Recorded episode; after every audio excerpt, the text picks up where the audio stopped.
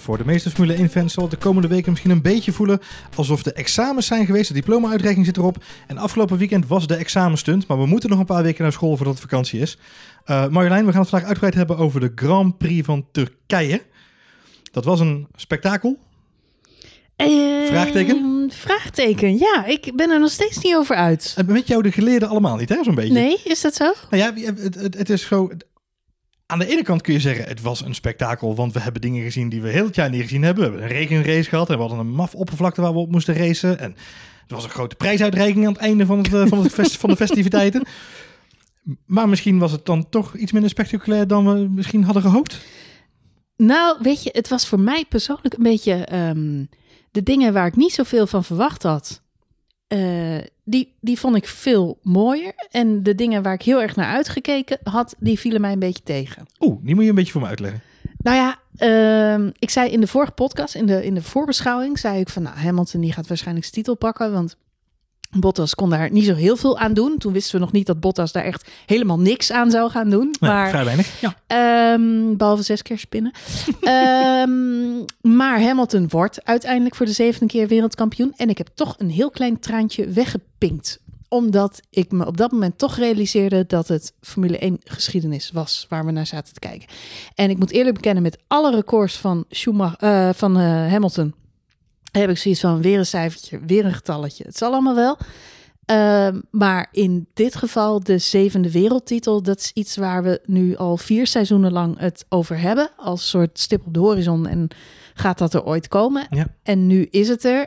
Ik heb Schumacher hetzelfde ooit zien doen. Ja, ik gun het hem toch ook wel, Lewis ja. Hamilton. Je moet het toch ook maar doen. En je moet hem ook nageven dat hij deze race fantastisch was. Ik had op het laatste zoiets, kijk, Max zult het zo over. Max had gewoon zwaar teleurstellend weekend. En ik daardoor ook. En dan ben je meteen, ja, dan ben je meteen bij, bij, bij de andere kant. Daar had ik heel erg naar uitgekeken. Want gladde baan en regenrace en die vrije trainingen. En die begin van de kwalificatie. Het zag er allemaal zo goed uit. Dit was Max' domein. En die Mercedes waren nergens. En die gingen ook geen risico nemen. En dat snap ik ook. En dus had ik daar gewoon heel veel van verwacht. En dat, dat poefde als een ballonnetje uit elkaar. Niet alleen voor ons fans, maar natuurlijk voor Max het allermeest. Want die had er echt gruwelijk de banen van. Um, maar ja, staat tegenover dat toen Max wegviel, had ik wel zoiets van, nou ja, laat dan Hamilton maar gewoon glorieus winnen. En het was al 20, 15 rondjes voor het einde dat ik tegen jou zei van, nou, die gaat niet meer pitten. Nee. Er is iets met die groene bandjes waar wat, wat, wat gewoon magic is. En dat heeft Mercedes in de gaten. Dat heeft Lewis Hamilton zelf in de gaten. En uh, Sergio Perez had het trouwens ook uh, in de gaten, gelukkig. Um, ha, ha, hing ook een beetje van de, van de hè, afstelling van de auto af. Dus je moest ook een beetje mazzel en geluk hebben. Aan de andere kant, geluk dwing je af. Ja. En, uh, en dat deed Hamilton. Dus de manier waarop hij wereldkampioen werd... Ja. met die overwinning... Geeft wel glorieus. Extra, wat extra glans aan Ja, het, en ik had niet verwacht. Ja. dat, dat, dat dat toch zo'n bijzonder moment zou zijn. Maar dus heel teleurgesteld over Max Verstappen... Want je hoopt allemaal pole position en een overwinning was mooi geweest. Hebben we, pole position hebben we nog niet gehad. Overwinning pas eentje. Dus ja, dat, we staan al een tijdje droog. Ja, dus, ja, we staan echt al een tijdje droog. Dus dat is super teleurstellend. Aan de andere kant de manier waarop ja, Hamilton zich terugpakt. En Vettel op het podium, hè? Ja, precies. Ik heb echt staan juichen voor Vettel op het laatst. Want Nee, ja, en met jou meer mensen, super verdrietig voor Charles Leclerc. Sorry voor alle Charles Leclerc fans. Maar zijn tijd komt nog wel. Maar Vetteltje was er gewoon weer bij. Ja, precies. En met jou volgens mij meer Vettel-fans inderdaad. Hey, eh, Hamilton, die kunnen we vanaf nu, denk ik maar, het beste gewoon de SOAT gaan noemen. Want de GOAT, die discussie heb ik besloten om achter me te laten. Want de, de greatest of all time, dat is een discussie die ga je alleen in de kroeg winnen, denk ik. Dus we gaan hem gewoon de succesvolste alle tijd noemen, de SOAT. Vind je het goeie? Ja, de Soot. De SOAT, ja. want hij is nu de meest succesvolle coureur alle tijden. Daar is niks op af te dingen. Hij heeft het record voor meeste eh eh, pole positions, eh, meeste overwinningen. En nu dus ook inderdaad een evenaring van het record van Michael Schumacher. En we weten allebei, ja, de kans is vrij groot dat hij er een achtste aan gaat vastklampen volgend jaar. Als hij een beetje eh, zijn best doet. Nou, dat betekent dat hij dus in principe dan misschien niet de GOAT, maar dan maar de SOAT is. En jij gaf zelf al een beetje aan, eh, eh, deze race waren de twee dingen heel belangrijk. Eh, eigenlijk drie. Eh, eh, jij noemde zelf de banden, maar jij stipte, voordat wij de wedstrijd gingen kijken, stipte je aan, vandaag is maar één ding belangrijk. Vond ik een hele leuke. Zorg ervoor dat je de auto op het asfalt houdt en maak geen domme fouten. Ja, dat was een beetje de Dat enige jouw, taak dat die was ze jouw hadden. Jedi Wijsheid. Ja, maar ja. Ik, had ook, ik had ook flashbacks naar, naar al die Grand Prix die we dit jaar al gezien hebben. Op Imola en eh, Monza en wat hadden we? Toscane, Mugello. Ja, Mugello, ja.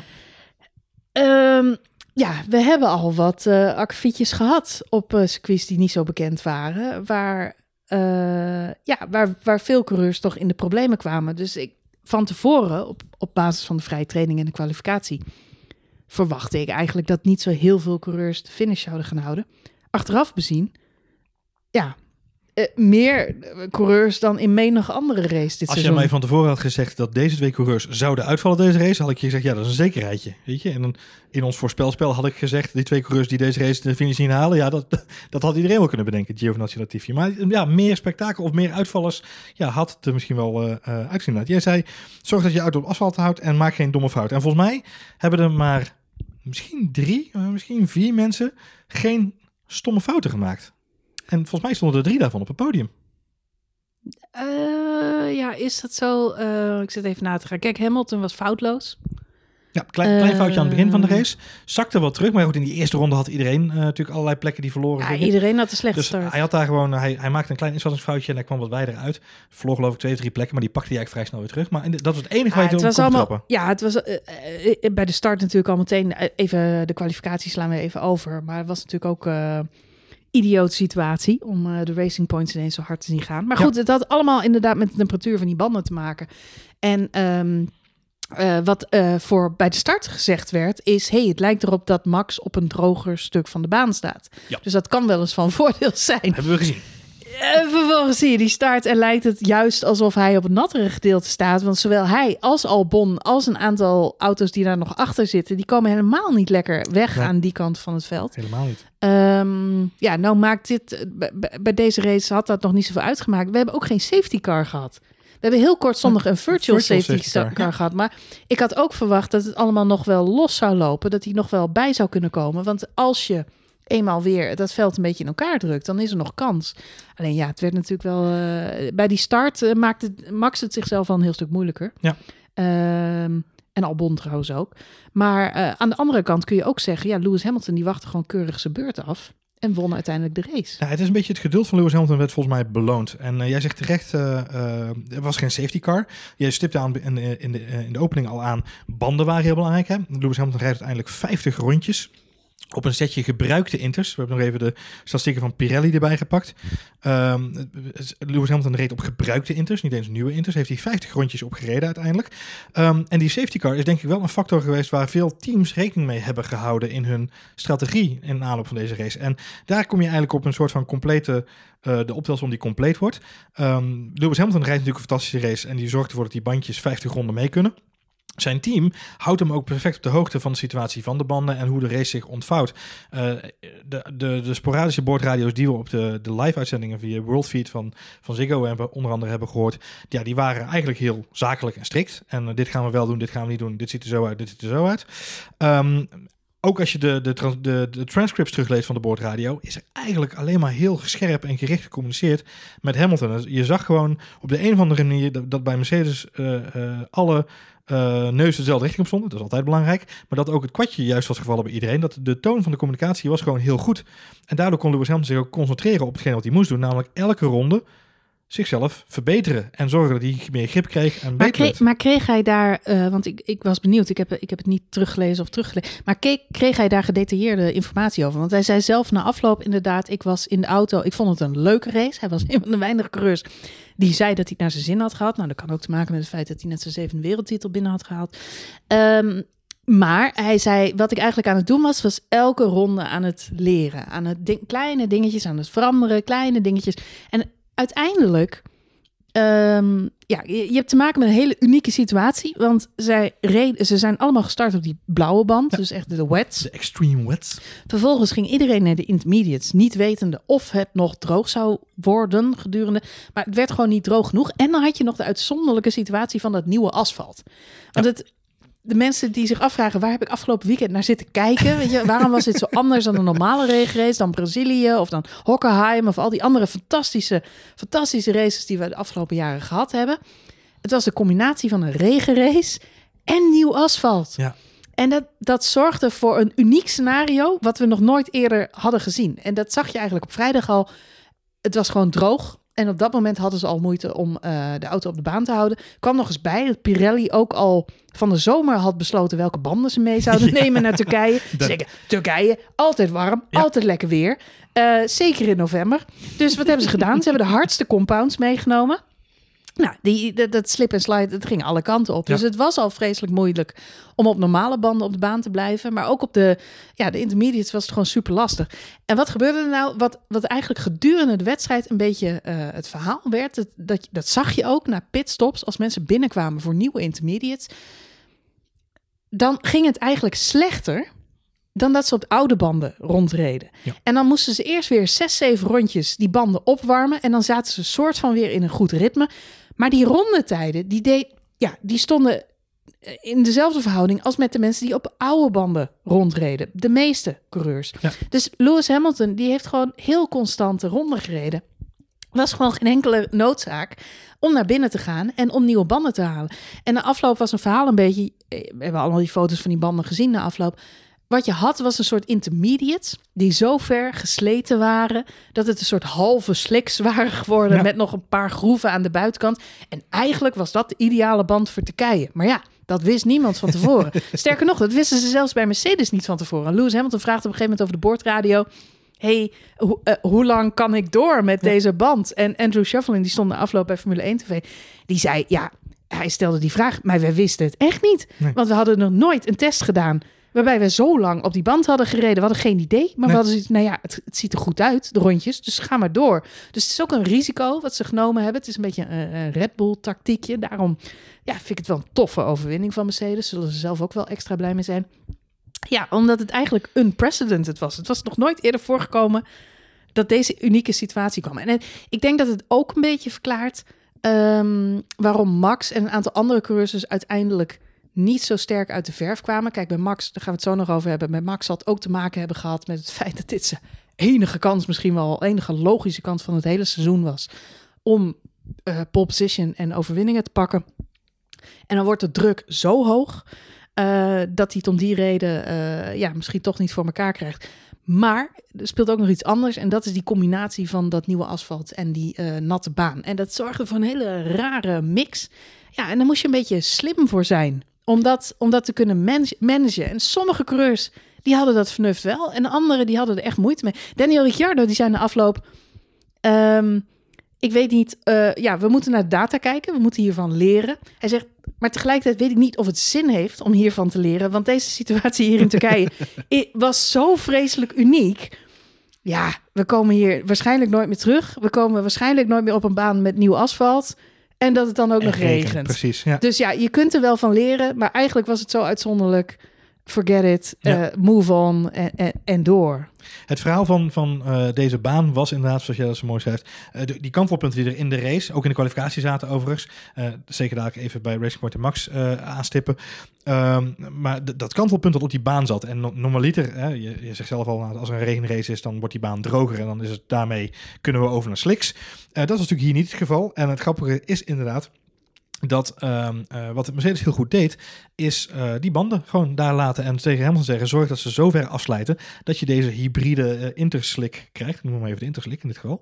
Ehm, de interslick. Ehm, z- z- zorg dat je die band daar houdt waar die nu is, want dan kun je perfect doorrijden. Ehm, eh, het, daar waar andere teams, die allemaal wel op een twee-stop zaten, iedereen naar binnen haalden voor nieuwe inters. En inderdaad, dus in de eerste fase zagen dat die tijd wel begon af te nemen, eh, alvorens ze weer de temperatuur in de banden hadden. Dus ja, bij Mercedes ook dat weer inderdaad een goede call geweest om gewoon te blijven rijden. Eh, was natuurlijk nog de dreiging van regen aan het einde van de race. Eh, ook daar weer heel scherp. Hè? We hoorden Ferrari over de boordradio komen met eh, expected rain in the last lap. Nou, dan weet je vaak dat het niet gaat regenen.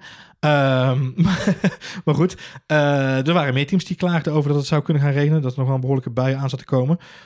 Ook daarmee had Mercedes zichzelf de kans eigenlijk gegeven. Want Lewis Hamilton reed uiteindelijk met zijn stabiele rijden naar een vuilige pitstopmarge. Hij had zelfs nog een pitstop kunnen maken in de laatste fase van de race. Hij had 25 seconden voorsprong op Sergio Perez. Dus ook als er nog regen was gekomen, had hij nog kunnen stoppen om een paar wets erop te leggen. Just in case, voor de zekerheid.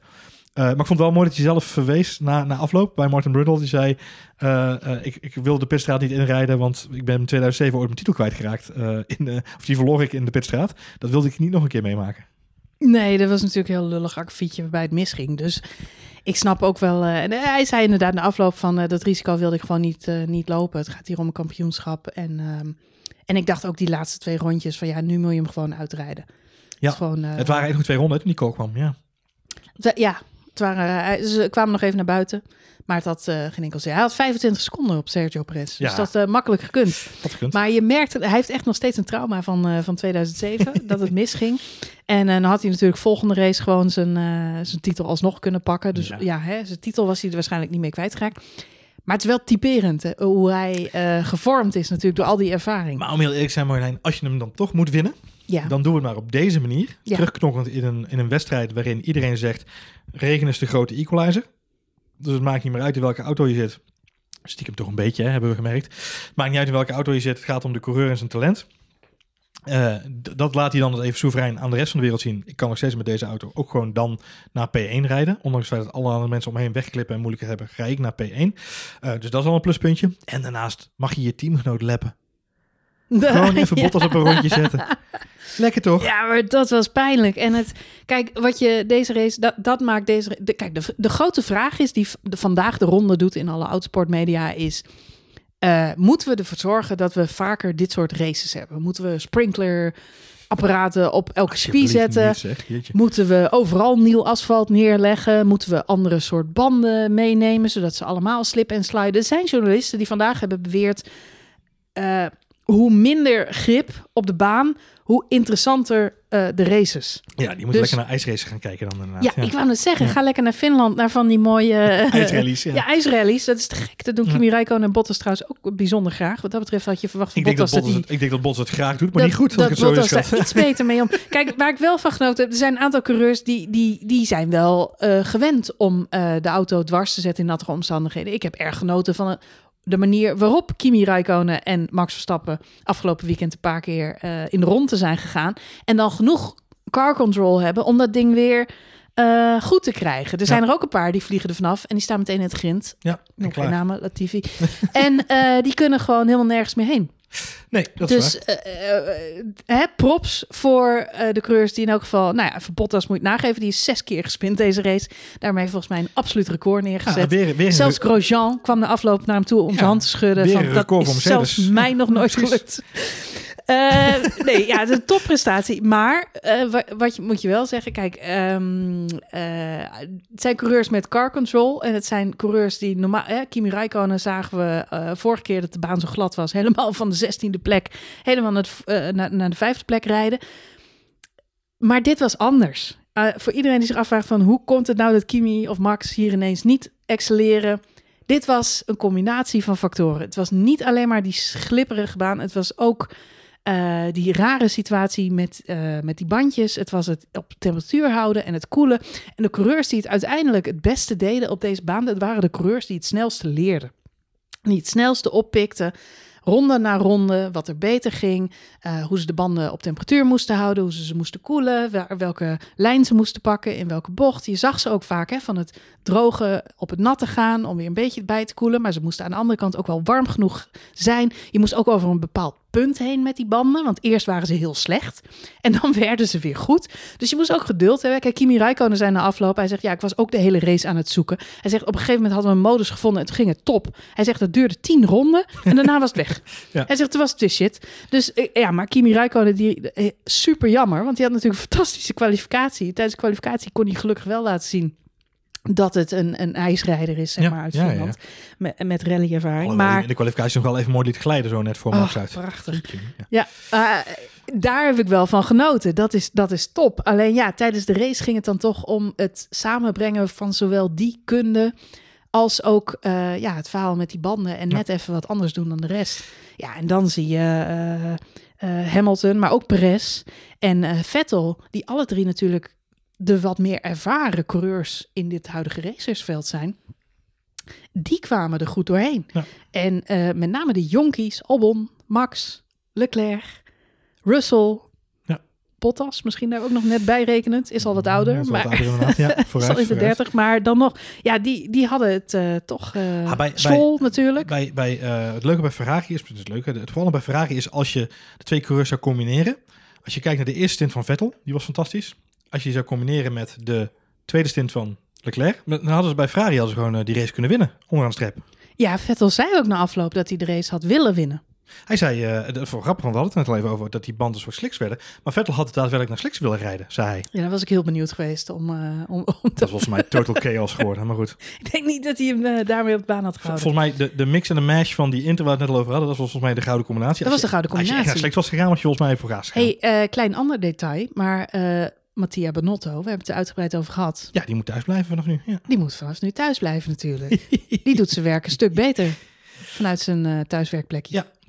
Ja, en zijn rest van zijn team ook. Dat is het belangrijkste.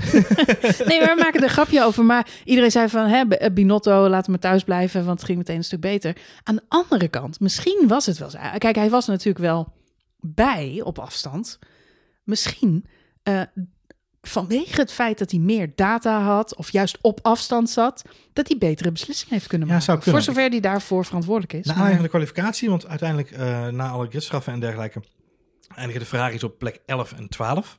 Ehm, en, en, en na de kwalificatie dacht ik wel bij mezelf, eh, ik denk niet dat Binotto ook nog een wedstrijd gaat missen, want je kunt dit niet managen vanaf, eh, vanaf een externe locatie.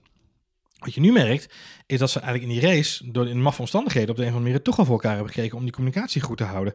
Dus of dat nou is, om inderdaad precies, jij zegt die data, of omdat het gewoon is wat hij er ook niet is. Er zijn een heleboel Ferrari-fans, vooral de salty, eh, de niet wat eh, kribbige Ferrari-fans, die eigenlijk al een jaar lang zeggen, laat Binotto alsjeblieft gewoon thuis, want hij gaat als een, eh, als een stuk tuig om met, met Sebastian Vettel.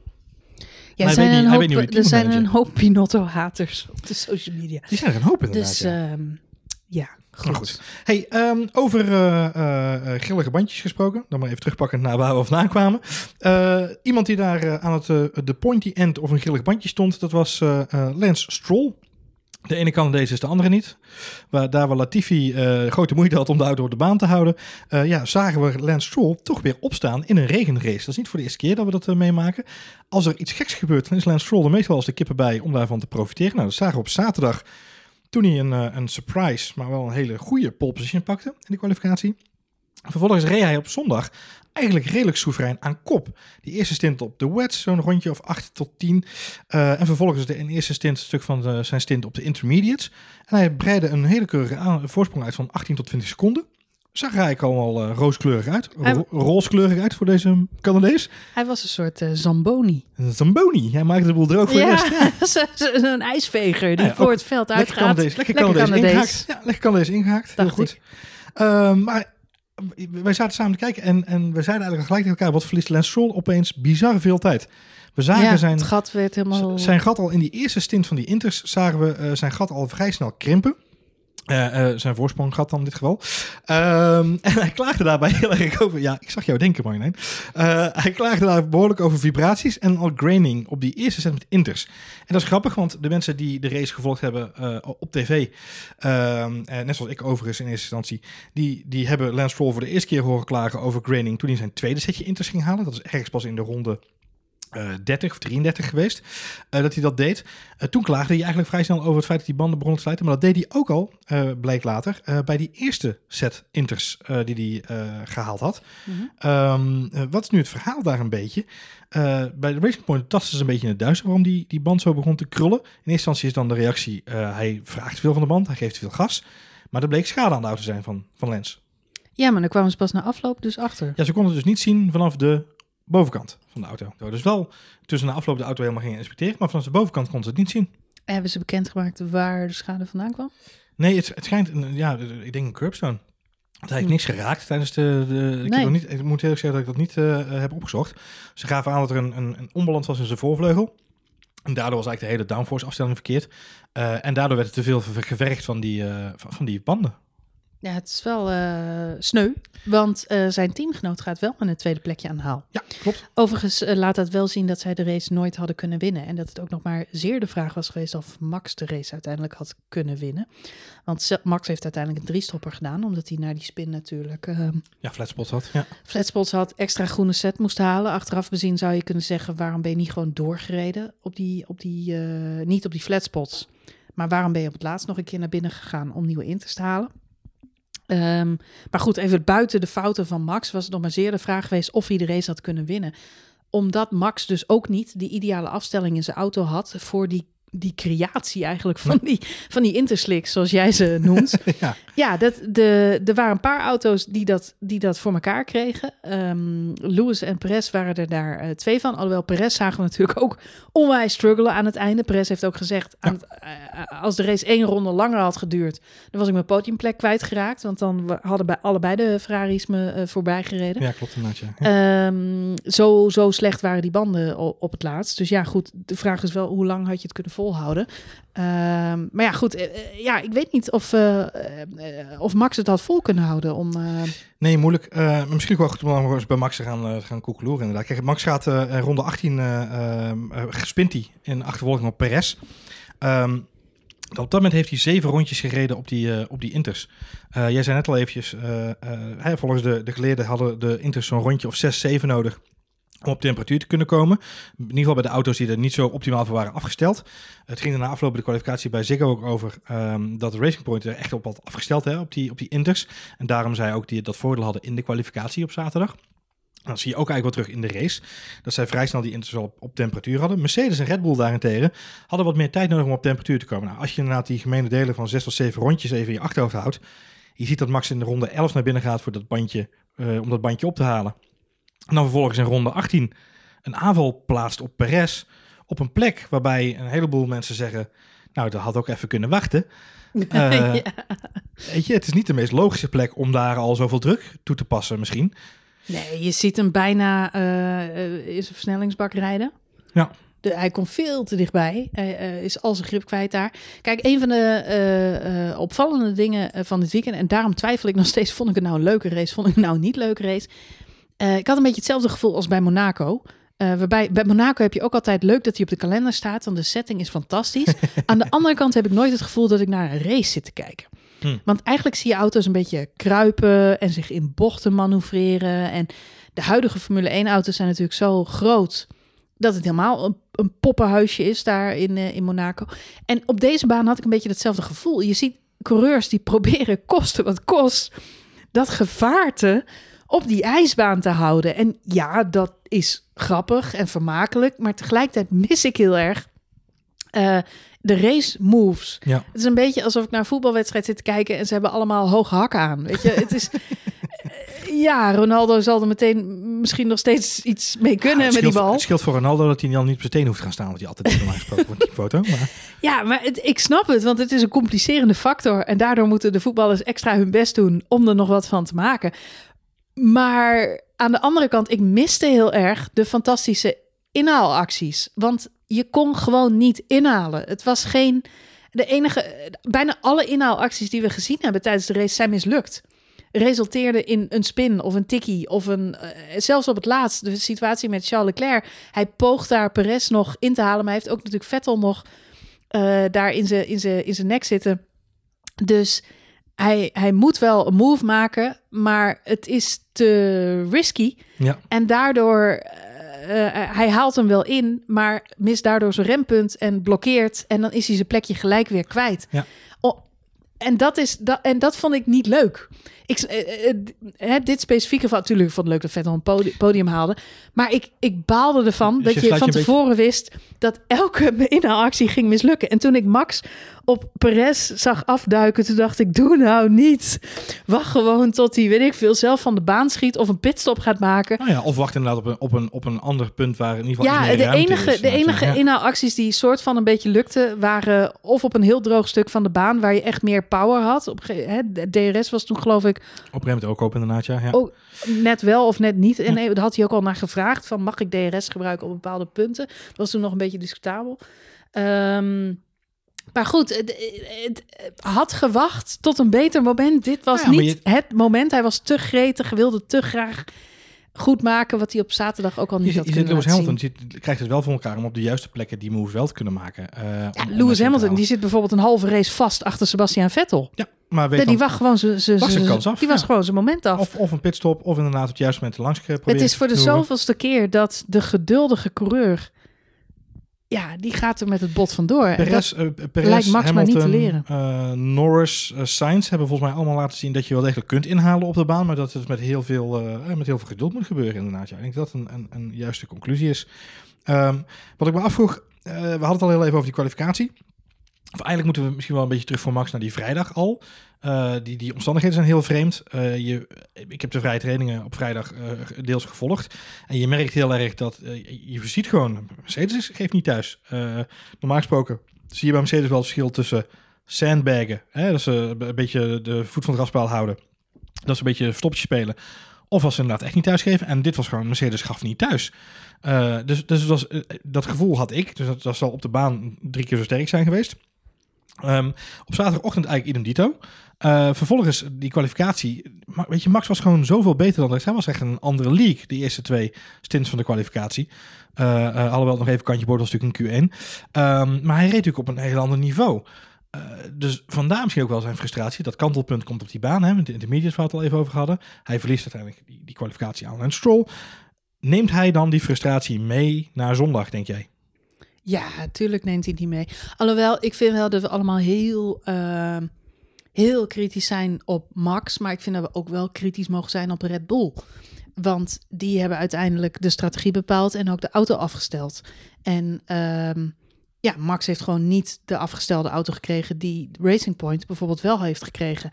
Racing Point zat ook op een andere ehm, eh, strategie in de kwalificatie. Die waren al eerder op de intermediates eh, begonnen. Perez die zat er zelfs al op. Lance Stroll die heeft geloof ik één rondje gedaan, schakelde toen over.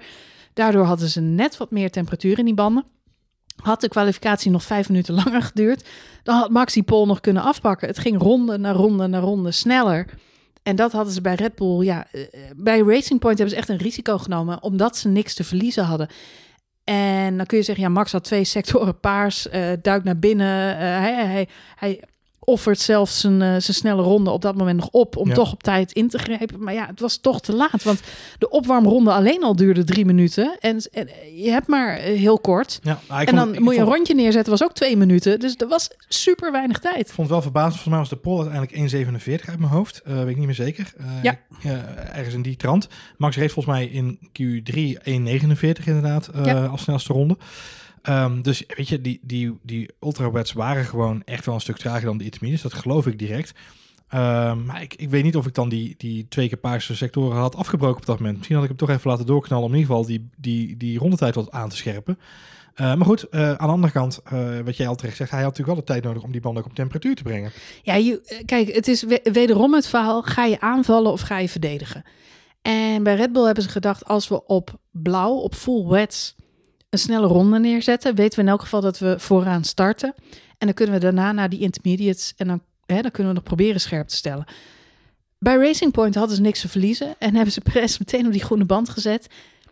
In, in, en meteen zijn ze gaan tellen en gezien van oké, het is te doen. Hop, stroll naar binnen, ook op die groene band en gassen jongens. Zoveel mogelijk rondjes, overstart, finish en nog een rondje en nog een rondje. En zorgen dat je de vlag haalt, en dan kun je er nog één neerzetten. En in die laatste ronde zijn ze, zijn ze supersonisch. Ja, en dat, en dat is aanvallen. En Red Bull was weer aan het verdedigen, want ze hadden iets te verliezen, namelijk een ja. goede startpositie. Nu je dat zo zegt, vraag ik me gewoon af. Denk jij dat ze überhaupt in hun strijdplan rekening hebben gehouden met Racing Point?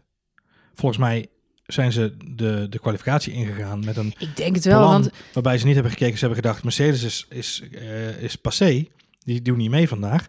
Dus het is voor onszelf. Wij moeten onze eigen race rijden. Dus we kijken naar wat we zelf doen. En we houden geen rekening met wat andere teams mogelijk doen of wat de mogelijkheden zijn. Nou ja, je had ook nog de situatie, dat telde ook mee, het feit dat de Racing Point perfect was afgesteld op die intermediates. En een, aantal auto's hadden dat voordeel. Red Bull had dat niet. We hoorden Max klagen over de boordradio, deze intermediates zijn verschrikkelijk. Ja. Ik heb geen grip, het gaat voor geen meter. Als je Max zo hoort praten, je wil Max niet zo horen praten. Ja. Je wil hem happy en, en eh, ja horen zeggen, want dan weet je dat het goed goed met hem gaat. En als hij dit soort dingen over de boordradio zegt, we zagen hem ook niet meer in beeld. Eh, want hij is die intermediates gaan halen. Daarna is hij niet meer in beeld geweest. Ook geen sectoren. Ehm, dus dan weet je dat hij, dat hij niet snel rijdt. snel Want rijdt, anders dan zie je eh, paars, paars, paars. Ja. Eh, maar dat zagen we niet. Dus we wisten allemaal al dat het, dat, ja, dat het niet goed ging. En Max voelt het dan ook eh, onder. Kijk, je hoeft Max niks te vertellen. Die weet zelf al. Als hij niet in een topronde zit, dan weet hij dat hij geen, geen pol gaat pakken en dat, Ja. dat het beter kan. Red Bull had ook niet de ideale auto voor die intermediates. Wel voor de wets. Kimi Räikkönen zijn de afloop precies hetzelfde. Voor de wets hadden wij een perfecte auto dit weekend. Op de wets waren we heel succesvol. Ja. Niet op de intermediates. Het is overal een bizar weekend voor Red Bull. Hè? Ook Albon was dit weekend hartstikke sterk. Als we het nog moeten hebben over een stoeltje van Albon na afloop van de eerste twee vrije trainingen en, en de eerste twee kwalificaties, dan had iedereen gezegd, nou, Albon laat eindelijk zien dat wat hij waard is. Het zag er heel even heel goed uit en voor Albon. vervolgens spint hij. En dan is hij er toch weer niet. Het, het laat zien dat, ja goed, enerzijds kun je zeggen, ja, Red Bull had dus ook blijkbaar niet de ideale setup voor zijn coureurs eh, in orde. Aan de andere kant, bij Max ging het niet goed. Ik denk dat bij Max ook echt wel doorspeel of meespeelde dat hij het zo verschrikkelijk graag wilde. In alles merkte je dat hij eh, kribbig was. Dit was zijn kans. Ja. Eh, die pol was van hem afgepakt. Toen, toen dacht ik nog, meestal als Max een slechte kwalificatie heeft, heeft hij een hele goede race. Maar misschien was daardoor net de druk te hoog deze keer. Geef hem ook geen ongelijk. Hè? Ik bedoel, hij rijdt heel het jaar achter die zwarte politis aan. Dit is de Ja, enige kans dat hij, dat hij man. kan laten zien dat hij, hè, dat hij zich Ja, kan er vernietigen als het nodig is. Er komt verschrikkelijk veel frustratie uit. En dat had ik als fan ook. Ik was op, met name op zaterdag was ik stikzagrijnig over die kwalificatie. Ja. Veel meer nog dan over de race. Omdat, eh, nou, omdat, omdat het niet gelukt was. Dan gaat notabene Lance Stroll met de pole position er vandoor. Ehm, maar buiten dat, ik, ik, het deed me realiseren dat je gunt Max zoveel meer. Hij is zo'n begenadigd coureur. Hij is minstens zo goed, denk ik, of kan hij worden als Lewis Hamilton. Ehm, en ik had hem gewoon dit seizoen meer gegund. Ik snap dat hij geen wereldkampioen kan worden. Eh, maar het is tot nu toe wel het seizoen met de minste overwinningen voor Max Verstappen van de afgelopen jaren. Ja. En dat is, nou ja, als fan is dat vervelend, maar vooral voor hemzelf. Ik bedoel, Exact, ja. hij rijdt nu al eh, eh, vier jaar, vierde bij Red Bull. Ja, het, moet, het moet ergens een keer gaan komen. Dan heb je ook nog dat Honda-verhaal.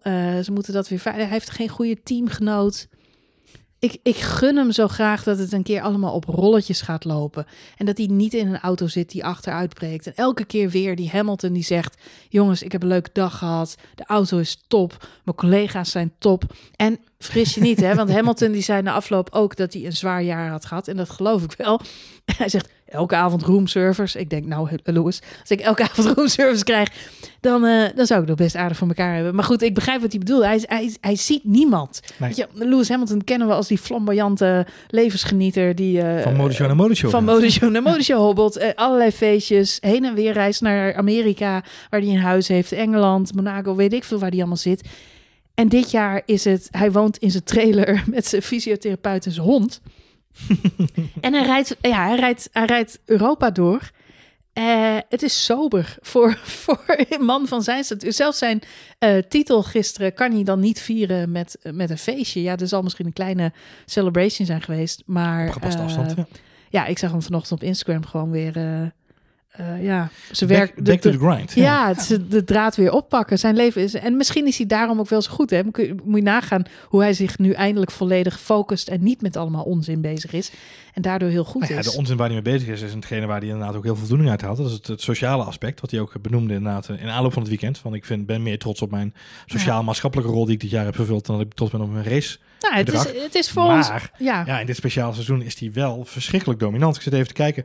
Lewis Hamilton heeft eh, eh, 12 podia in 14 races. Ja. Eh, dus dat is gewoon ontzettend knap. ja, het, eh, is tien zijn, het, is, overwinningen. ja, het is zijn meest dominante seizoen volgens mij 10 overwinningen, Marlijn. tot nu 10. toe. ja, 10 overwinningen. Ja. Lewis. Lewis Hamilton 10 overwinningen, Valtteri Het Bottas is 2 een, een overwinningen. Vettel-seizoen of een, een Schumacher-seizoen. Het is een, het is een Schumacher-waardig seizoen, inderdaad. Hey, ehm, als ik even kijk naar de, de, het kampioenschap nu op dit moment. je bent eh, Helmut Marko en Christian Horner. Je hebt Alexander Albon een stoeltje zitten en Sergio Perez, de nummer 4 in het wereldkampioenschap. En één van de 12 mensen die een podium heeft gepakt, heeft voor volgend jaar nog geen stoeltje. Wat doe jij? Oeh. Ja, ik moet eerlijk zeggen, eh, Sergio Perez was dit weekend wel heel sterk.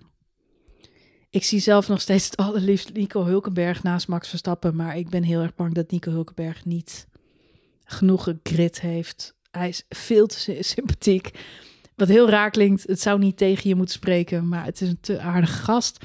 En Perez heeft ehm, ja, precies dat, eh, dat rauwe randje wat je nodig hebt. Alhoewel, ik moet zeggen, dat heeft Albon natuurlijk ook. Hè? Albon zagen we ook weer met Hamilton eh, racen. Dit, eh, deze race. Ja.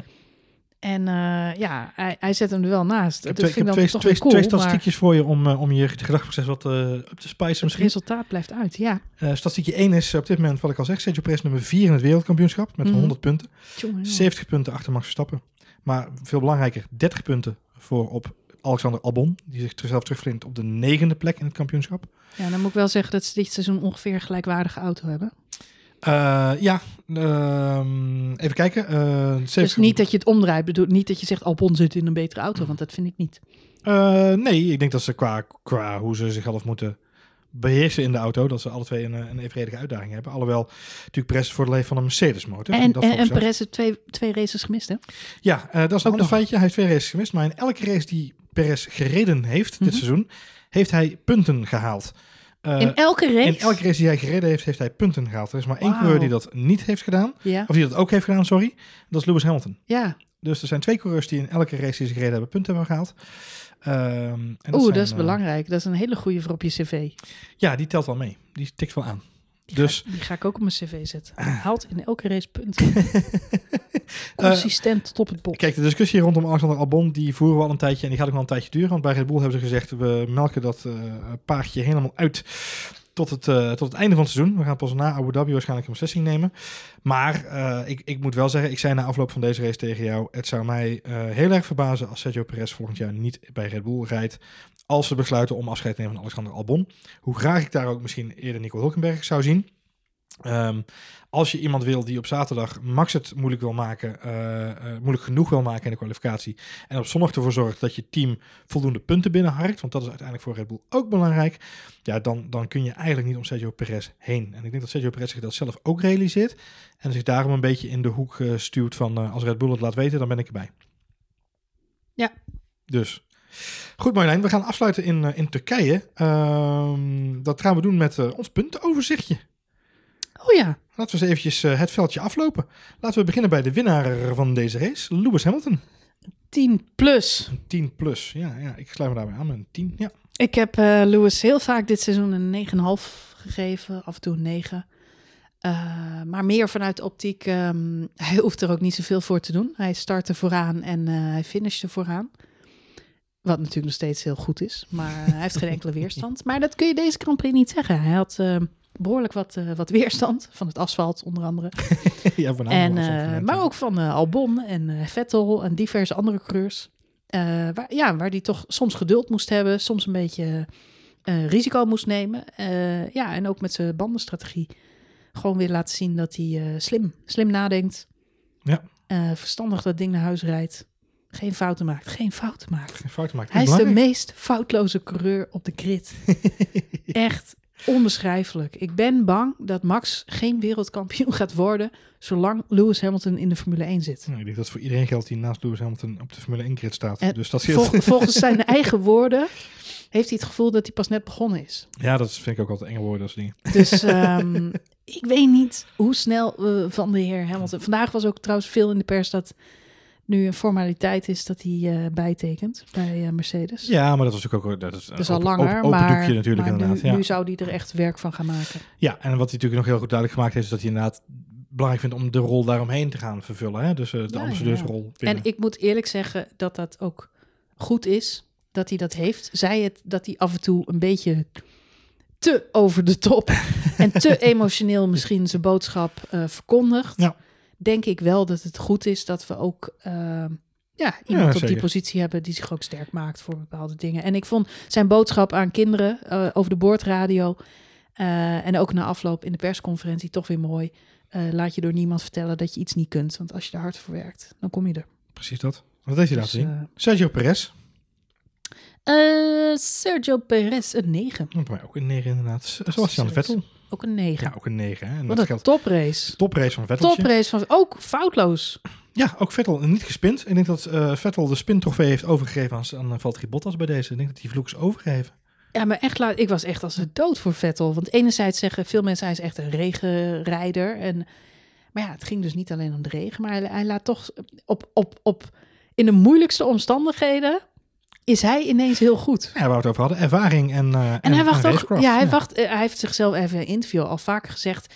eh, ik neem dit seizoen geen risico's meer, want het is me niet waard. En dat zien we. En daardoor wordt hij ook vaak volgens mij achtste, negende, tiende. Omdat hij, eh, ja, als je geen risico neemt in de Ferrari, dan kom je ook nergens. Eh, We zien Leclerc meer risico nemen en die komt daarmee wat verder.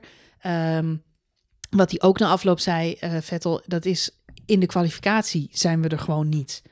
Ik krijg met de kwalificatie dat ding niet sneller. Ik weet niet wat ik moet doen, maar de kwalificatie is altijd eh, verschrikkelijk voor me. En dan betekent dat automatisch dat ik tijdens de race ook niet zo ver kom. Je race waar je kwalificeert. Ja, en dat, is, dat was deze race helemaal zo. En des te knapper is het dat hij dan eh, ja, van een elfde plek naar de derde plek is gekomen. Ja, zeker. Eerste podium in eh, meer dan een jaar voor Sebastian Vettel. Charles Leclerc, de enige man van Ferrari die dit jaar twee podia te pakken heeft gekregen. Ja, ik, eh, fantastische race van Charles Leclerc. Super jammer van het foutje aan het einde, maar hij krijgt wel een 8 van mij. Een acht. Zeker. Oké, ja, van mij krijgt hij een negen. Ja. Een 9. Ja, Ja, goed, hij, hij verspeelt uiteindelijk wel een podium, Johan. Dan krijg je geen 9. Nee, ja, dan, eh, voor, in jouw boekje niet. Maar mij krijgen de heren samen een 9, omdat wat ik al zeg, als ze samen, als we gecombineerd hadden, hadden ze de race gewoon kunnen winnen. En ik vind dat Het is een maar goed, unieke dat, jij, ervaring het is maar goed dat jij geen leraar bent, want het is echt een hele rare puntentelling. Hmm, Carlos Sainz junior. Wel Carlos zijn. Sainz junior, die had eh, ook een eh, erg goede race. En die startte namelijk vijftiende. De beide McLaren's die kregen een penalty. De grootste stijger chop, chop, op de grid. Met ja, hij is de plekken. grootste stijger op de grid. Ehm, ja, toch ook wel een achtje. Ja, 8,5 mee. Ja. Oeh, knap. Max Verstappen. Ja, sorry Max, maar deze race een vijf. Een 5. Ja. Maar krijgt hij een zesje. Dat zal hij zichzelf ook geven. Het is gewoon balen. Ja, het is gewoon balen. Balen. Eh Alexander Albon. Albon. Ja, krijg- een- krijg- ja, sorry. ja, ik had een zes. Eh, maar een zeventje, maar dat is weer Oh. zijn goede weekend. Ja, had- Keer- ja keer- voor zijn... Keer, een goed hè? weekendje voor die Want gast. een goed weekend voor Albon is nog altijd minder dan een slecht weekend voor Max Verstappen. Ja.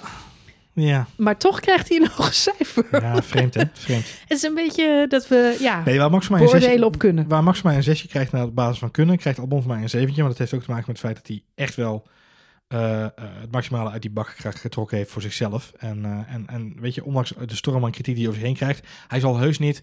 Ik las deze week ergens dat Lance Stroll heeft besloten om alle Formule 1 meme-accounts op Instagram en Twitter en op Facebook te blokkeren.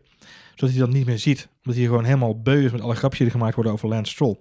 En ik kan me voorstellen dat Alexander Albon ook zo'nzelfde situatie voor zichzelf heeft gecreëerd. Waarbij hij gewoon helemaal klaar is met alle eh geleuter op alle sociale media over zijn rol en over zijn functie. En over wat, eh, de stoelpoten kunnen maar zoveel keer doorgezaagd worden, zal ik maar zeggen. Ehm, dus weet je, onder al die druk, onder andere streep, toch dit weekend zo tevoorschijn komen. Voor mij een zeventje. Lando Norris. Zeven. Een zeven, ja. Van mij, 14 naar 8. ja, bij mij een, een acht krijgt hij van mij. Jammer dat McLaren niet eh, hoger meedoet momenteel. Maar, 14, van 14 naar 8 plus de snelste raceronde. Ja, inderdaad. Dus oh, bonus half puntje. 7,5. 7,5. Ja, dan Ja. krijgt hij van mij een 8. Eh, Lance Stroll. Eh, een 7 van mij. Eh, natuurlijk fantastische pole position, maar super jammer dat hij niet... eh, Ja, super jammer. Ik vind het persoonlijk niet zo erg.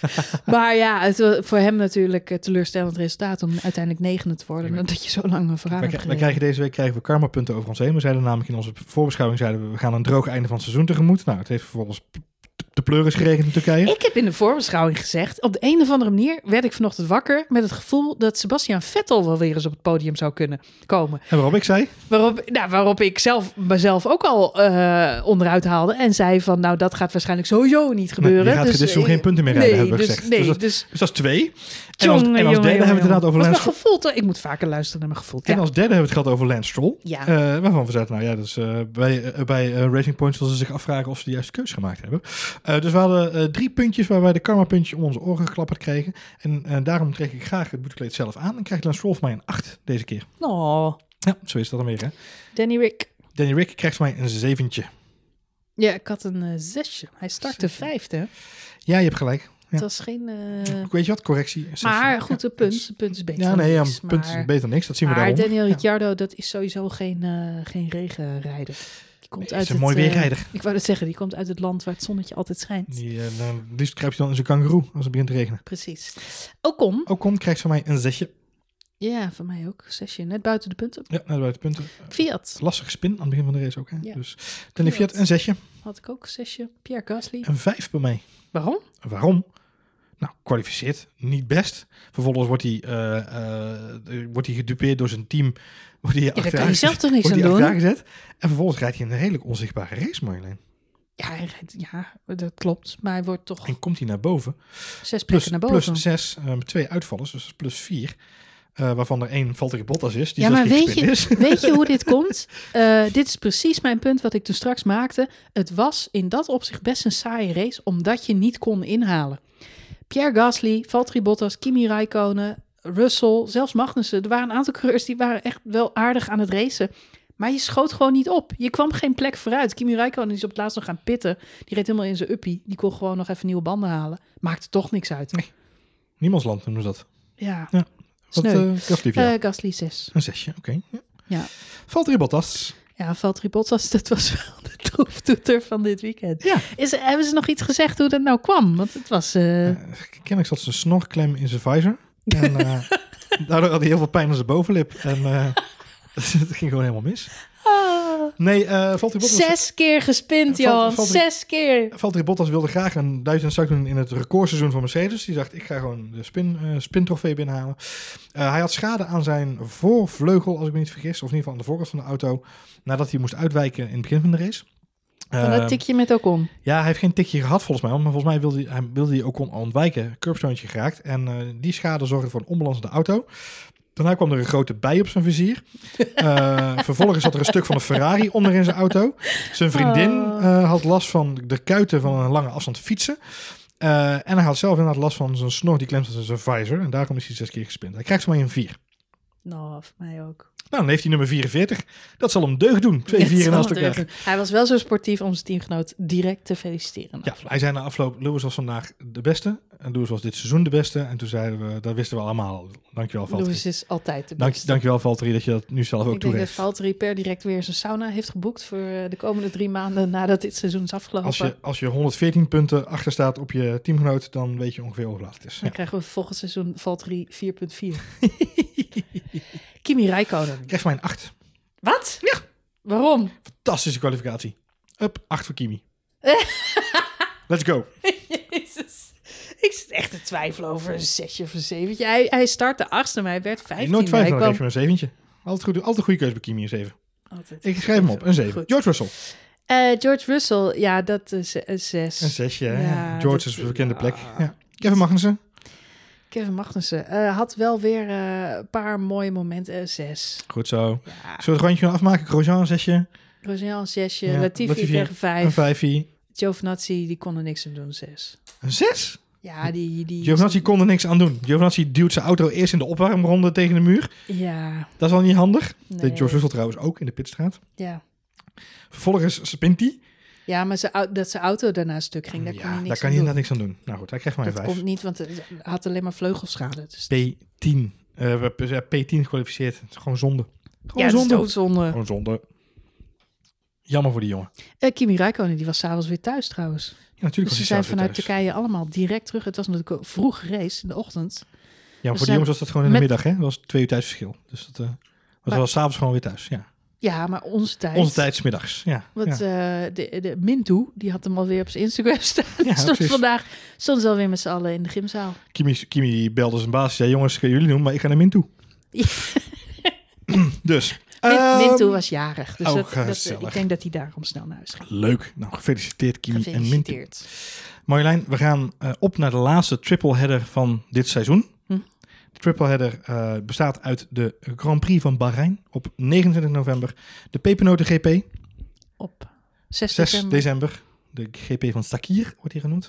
En dan op 13 december sluiten we af op Abu Dhabi. Dan hebben we dit seizoen vier triple headers gehad. We hadden het er in de voorbeschouwing al even over. En Lewis Hamilton gaat ze alle drie winnen. Als Lewis Hamilton bij alle drie de pole weet te pakken, dan komt hij dit seizoen nog op 100 poles. Oh, nog een keer feest. Dus ik neem aan dat dan Valtteri Bottas in de laatste race nog acht keer gaat spinnen om te zorgen dat hij in ieder geval nog, ook nog een recordje meepakt. Ah, je weet het niet. In die woestijn kan het ook heel glad zijn hè, met al dat zand. Zeker al het zand, hè? dat gaat alle kanten op. Ja, nou ja, het, leuke is natuurlijk wel dat we eh, op, op Sakir, de tweede race op Bahrein, gaan we natuurlijk op, het andere, op de andere layout rijden. Dus wat dat gaat brengen. Ja, vooralsnog wat ik al zei aan het begin van de, van de uitzending. Het voelt een beetje alsof de diploma-uitreiking is geweest. We hebben onze examenstunt gehad dit weekend. Dat was dit weekend een beetje. Eh, we weten intussen dat de, de diploma's zijn uitgereikt. Want dat is ook een beetje rond allemaal wel in het kampioenschap. Eh, alleen we moeten nog even wachten tot de schoolvakantie begint. Maar ik heb er nog wel zin in, die laatste races. Gek hè? Nou ja, laten we, laten we hopen dat we nog een paar mooie uitslagen kregen, krijgen. En dat was natuurlijk, ja goed, ik ben wat dat betreft dan toch een beetje subjectief. Een gekke uitslag is leuk. Eh, maar het moeten wel bepaalde coureurs zijn. die- Kijk, ergens leuk als het maar Max ik Verstappen, Sebastian Vettel en in- Kimi Räikkönen zijn. Ja. Nee, ja, nee. Pierre Gasly misschien. Nou. Ik, eh, ik had veel flashbacks natuurlijk naar Hockenheim. Maar dit was zo'n andere ervaring dan Hockenheim. Ja, absoluut. Hockenheim was een fantastische race. Maar dat had er ook mee te maken dat we allemaal duizend procent hadden in Max Verstappen. Weet je, iedereen vloog van de baan af. Lewis Hamilton was kansloos. Hulkenberg was kansloos. Leclerc was kansloos. Vettel was kansloos. Iedereen vloog er daar vanaf. Behalve Max Verstappen. Die reed gewoon lekker soeverein naar de overwinning. dus een normale regenrace is voor ons toppie. Want dan gaat het helemaal goed komen met Max. Maar deze race was een beetje raar. En ik weet nog steeds niet waar ik naar heb zitten kijken. enige wat we nu kunnen krijgen is een zandstorm. Ja, Dat is toch anders dan allemaal die zandstorm. kunnen ze vast oefenen voor Zandvoort. nee, dat is echt waar. Zandvoort is ook Ja, een grote... eh, en in september, Als het wind daar verkeerd staat. als de wind daar verkeerd, dan zit Eens. alles vol met zand. Goed. Voor nu gaan we afsluiten. Ja. We gaan eh, even een weekje chillen. Voordat we naar de volgende Grand Prix afreizen. We gaan niet zelf heen natuurlijk. Wij reizen gewoon weer af naar de studio. Tegen die tijd een keer. Ehm, voor nu, bedankt voor het luisteren. Mocht je willen reageren, dan kan dat via de Twitters naar F1 Spoiler Alert of naar, Marjolein, of naar Johan Voets. Eh, of je kunt natuurlijk altijd nog lid worden van onze gezellige Telegram chat. Waar het ook deze, week, eh, deze race weer een, een eh, uitbundige bende was, kan ik je vertellen. ja, en het is binnenkort Black Friday. Black Friday. En nou weet ik dat er in onze Telegram-app heel veel luisteraars zitten die al die deeltjes heel goed in de gaten houden. Kijk. Bij de Formule 1 shops. Alleen daarom al kun je lid worden van onze Dus Telegram als je nog chat. wat merch wil scoren, of Als je op de hoogte wil blijven van de laatste kortingsacties. Ja. Dan Zo- moet je even abonneren. Sowieso, als je het leuk vindt om met elkaar te hebben over dat soort dingen. eh, het gaat uh, schering en inslag dat het daarover gaat. Eh, dus dat is hartstikke leuk. Mocht je deze podcast luisteren in een app of een platform waar je een review kan achterlaten, doe dat dan zeker. Doe je dat niet, laat dan even een briefje achter op de koffieautomaat bij, bij je schoonouders of bij je collega's. En tip de mensen vooral F1 Spoiler Alert. Vinden wij leuk, nieuwe luisteraars. En hopelijk maken we dan wat meer mensen enthousiast over de Formule 1 en over onze show. Ja. Voor nu bedankt voor het luisteren en eh, op naar Bahrein. Tot de volgende.